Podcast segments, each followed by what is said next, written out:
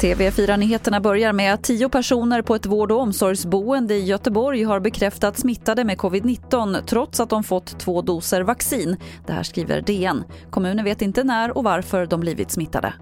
Pfizer-Biontechs vaccin ska ge ett 95-procentigt skydd mot covid-19 men den effekten uppnås först någon vecka efter att båda doserna har sprutats in.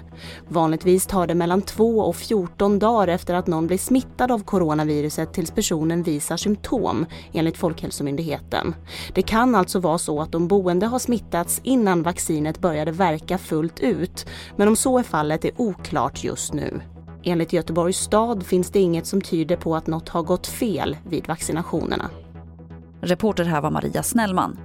SMHI klass 1 varnar för snöfall i flera län. På en del håll kan det komma rejäla mängder snö och varningarna gäller just nu i Kalmar, Östergötland, Sörmland, Stockholm och Roslagskusten. Och till sist kan vi berätta att Bernie Sanders och hans vantar har dragit in motsvarande 15 miljoner kronor till välgörenhet. Bilden på den amerikanska senatorn iklädd vantar på Joe Bidens presidentinstallation har fullständigt vält internet och nu har den tryckts upp på t-shirtar och andra prylar och sålts till förmån för välgörenhet. Det var det senaste från TV4 Nyheterna. Jag heter Lotta Wall.